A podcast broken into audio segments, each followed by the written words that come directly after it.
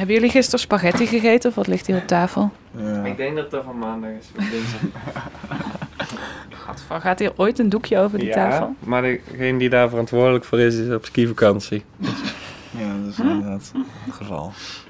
En dan doen jullie het niet, want het, nu moet je wel aan het schema houden natuurlijk. Ja, precies, ja. Ik ben bij mijn broertje Job in zijn studentenhuis in Tilburg. Huisgenoot Kees is er ook bij. Mijn broertje herken je aan zijn Brabantse tongval.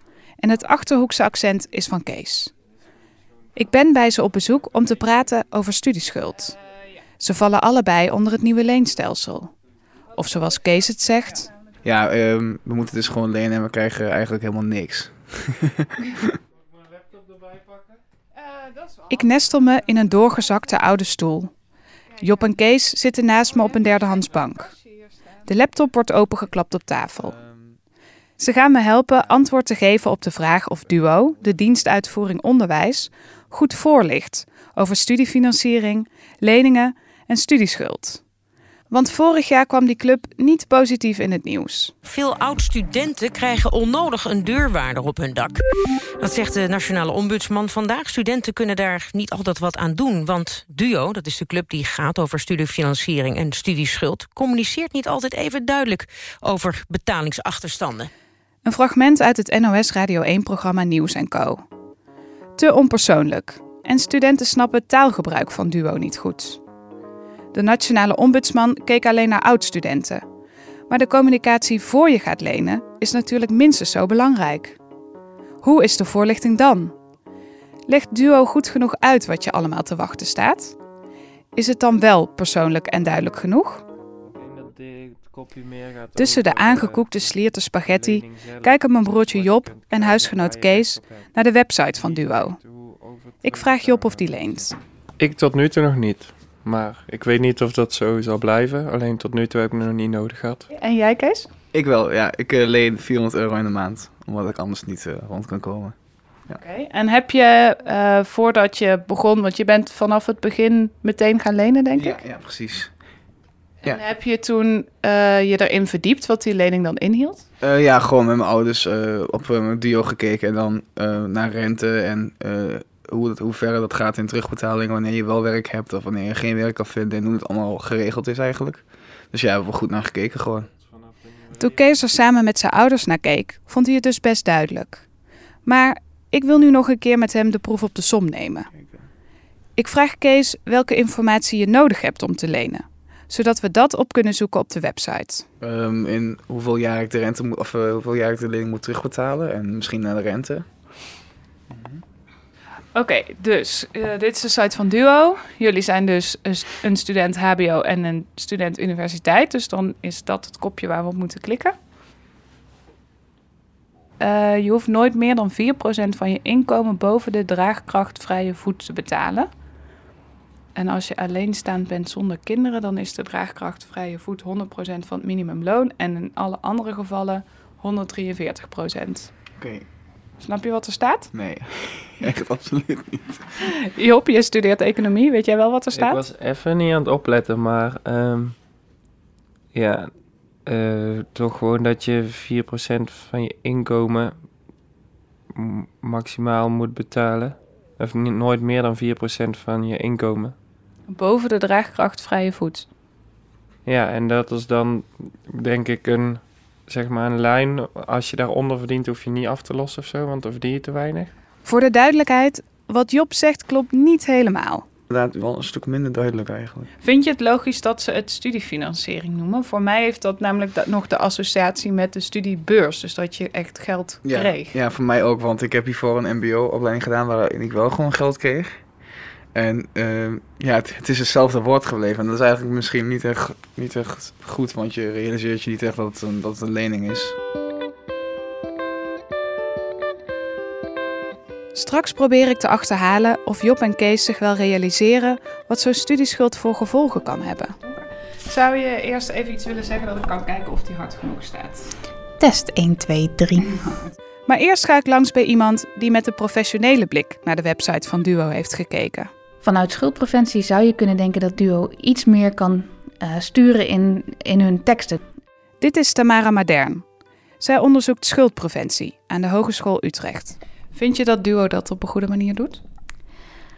Als ik vanuit schuldpreventie kijk, dan is het zeker wenselijk om ook over die consequenties na te denken. En teksten als wat je nu leent, moet je in elk geval terugbetalen.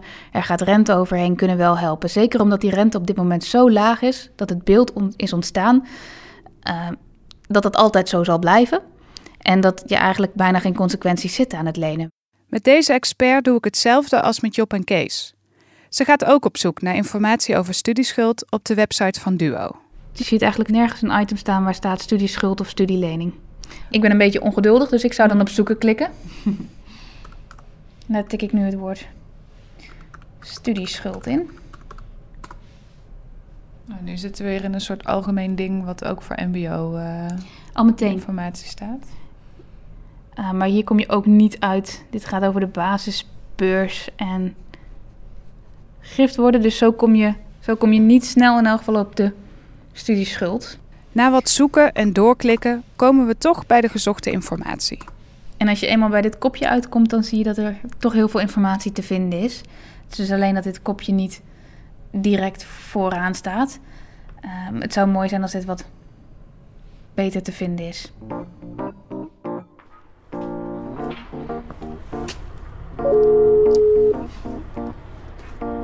Hallo, wie is daar? Hoi, Meike van de VPRO. Hoi, kom verder. Hallo. Ik ben bij Bob van Seulingen, bestuurslid bij het Interstedelijk Studentenoverleg, ofwel ISO.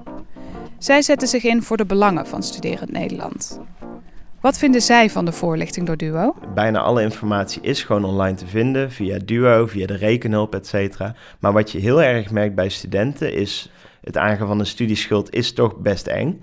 Um, en heeft grote gevolgen. Dus je ziet dat mensen die algemene informatie toch gewoon bij iemand willen checken. En dat je dus, ook al staat er eigenlijk precies beschreven wat voor jou het geval gaat zijn, wil jij toch gewoon van iemand horen ja dat klopt of nee dat klopt niet, voordat jij die keus maakt.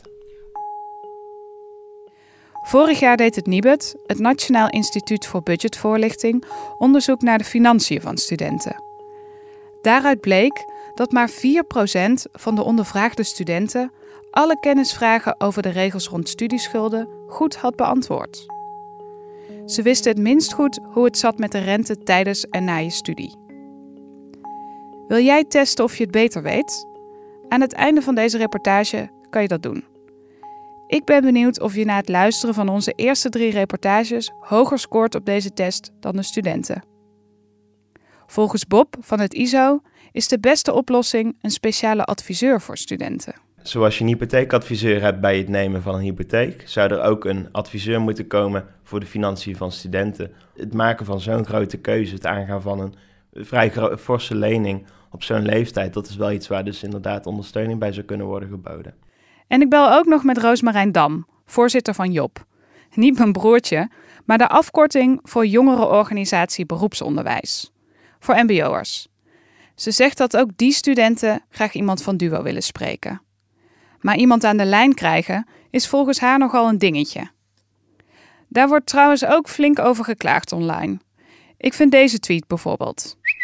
Maakt Duo Express alles zo onduidelijk, zodat je weer drie jaar aan de telefoon hangt? Of deze. Duo aan de telefoon. De manier om je belminuten weg te smijten. En nog eentje. Duo aan de telefoon, be like. U wordt over 35 minuten geholpen. Hashtag, wat is deze? En het is niet alleen een ding bij de studenten, maar ook in de Tweede Kamer. Daar werden vorig jaar Kamervragen gesteld omdat de wachttijd soms een uur was. Volgens de minister is de gemiddelde wachttijd nu terug naar 10 minuten. Maar collega Wolkan stond laatst toch twee keer zeker 20 minuten in de wacht. Naast bestuurslid is Bob ook gewoon een student. Met een lening. Kan wel in alle eerlijkheid zeggen dat ik ook niet alles eraan heb gedaan om goed onderbouwd die keuze daarin te maken voor hoeveel ik ging lenen. Ik merkte dat ik geld tekort kwam en toen dacht ik hoeveel zal ik eens bijlenen. En dan is het heel prettig dat het heel gemakkelijk is om via een schuifje op de website gewoon aan te geven van nou, volgende maand wil ik zoveel lenen. Maar het gebruiksgemak zou gepaard moeten gaan met genoeg informatie en het ook actief aanbieden van die informatie. Zodat wanneer je dat schuifje dus verzet, dat je weet wat daar de gevolgen van zijn. Zoiets misschien, Bob? Let op. Geld lenen kost geld. Ik heb ook nog even gebeld met de Autoriteit Financiële Markten, die deze tune verplicht heeft gemaakt. Waarom hoor ik dit nooit bij Duo? De AFM zegt: Duo hoeft niet op deze manier te waarschuwen, want ze vallen niet onder ons toezicht. Maar zou zo'n waarschuwing überhaupt wel zin hebben? Volgens schuldpreventie-expert Tamara Madern zijn mensen, en dus ook studenten, helemaal niet zo op de toekomst gericht. Als jij in het eerste jaar van je studie zit, is dat bijna niet te doen of te overzien. Dus je bent vooral met het nu bezig. Dus meer voorlichten is noodzakelijk, zodat mensen in elk geval weten wat ze aangaan en zich daar bewust van zijn, maar we moeten er geen wonderen van verwachten. Alleen kennis verandert geen gedrag. Ik check het even bij Kees, de lenende huisgenoot van mijn broertje. En heb je ooit ehm, nagedacht over je hypotheek? Wat voor gevolgen het daar misschien voor zou hebben als je later ooit een huis zou willen kopen? Nee, daar heb ik niet over nagedacht. Nee, heel eerlijk, nee, niet. En omdat je het niet wist dat je daarover na zou kunnen denken, of omdat je er gewoon nog niet mee bezig bent? Ja, ik ben er niet mee bezig. Het ligt nog best wel ver in de toekomst. En het is wel dat ik inderdaad dan die schuld heb en dat ik daar misschien wel over na had moeten denken. Maar ik heb, ja, nee, ik ben er niet mee bezig. Nee. Nu is de rente heel erg gunstig. Mhm. Heb je er ooit over nagedacht dat die rente misschien ook meer kan worden? Ben je daar bewust mee bezig? Ehm, ja, het zou wel echt een nice trick zijn, maar daar ben ik niet echt mee bezig, nee. En ik denk, ja, hoe moet- ja ik denk dan niet dat ze dat zo zomaar in één keer met 3% omhoog gaan gooien of zo. Nou, dan moet je eigenlijk de reportage van mijn collega Tessa luisteren, want die is aan het uitzoeken hoe die rente precies bepaald wordt. Want het kan wel degelijk heel veel verschillen. Ja? Ja. Duo heeft op de website een rekenhulp om te berekenen wat een verstandig bedrag is om te lenen. Job vult hem in. Hoeveel geld heb ik nodig? Conclusie? Hij hoeft inderdaad niet te lenen.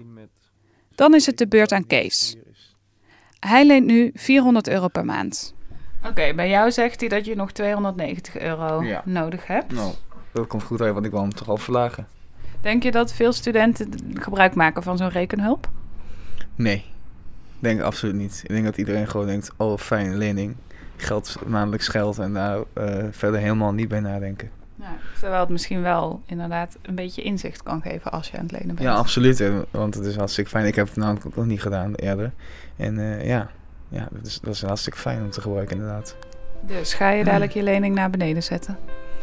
Eh, ja, zeker. Ja. Kijk er even naar. Nou, dan is het toch een, een leerzame middag geweest zo, toch? Ja, zeker. Ja. Nou, dat persoonlijk contact lijkt hier al meteen zijn vruchten af te werpen. Maar een hoop dingen om met Duo te bespreken dus.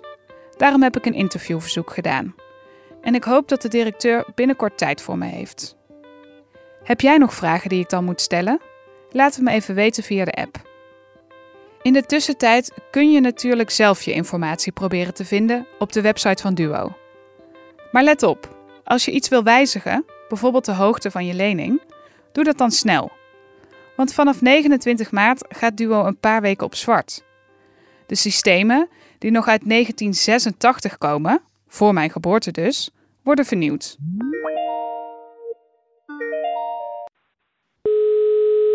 Ik ben trouwens benieuwd of Kees zijn lening ook echt verlaagd heeft. Hallo, met Kees. Hoi, met Meike van Trees, de zus van Job. Oh, hoi, ja. Hallo, stoor ik? Nee, hoor, natuurlijk niet, nee. Nee? Oké. Ik had namelijk nog een, eh, een vraag eigenlijk nadat ik vorige keer bij jullie was geweest. Nou was ik benieuwd, heb je het al aangepast? Ja, goed Ja? gedaan. Oké, hartstikke goed. En heb je meteen diezelfde dag gedaan? Ehm, eh, ja, toen ik vrijdag thuis kwam. Ja, ja, ik heb vrijdag nog gedaan.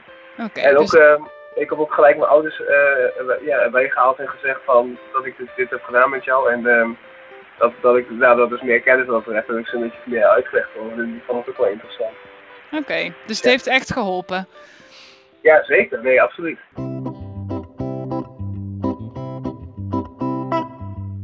Oh, nog even? Ik had je een kennistestje beloofd. Nu kan je zelf testen hoeveel je over studieschuld weet. En binnenkort laat ik je weten hoe het Trace het heeft gedaan.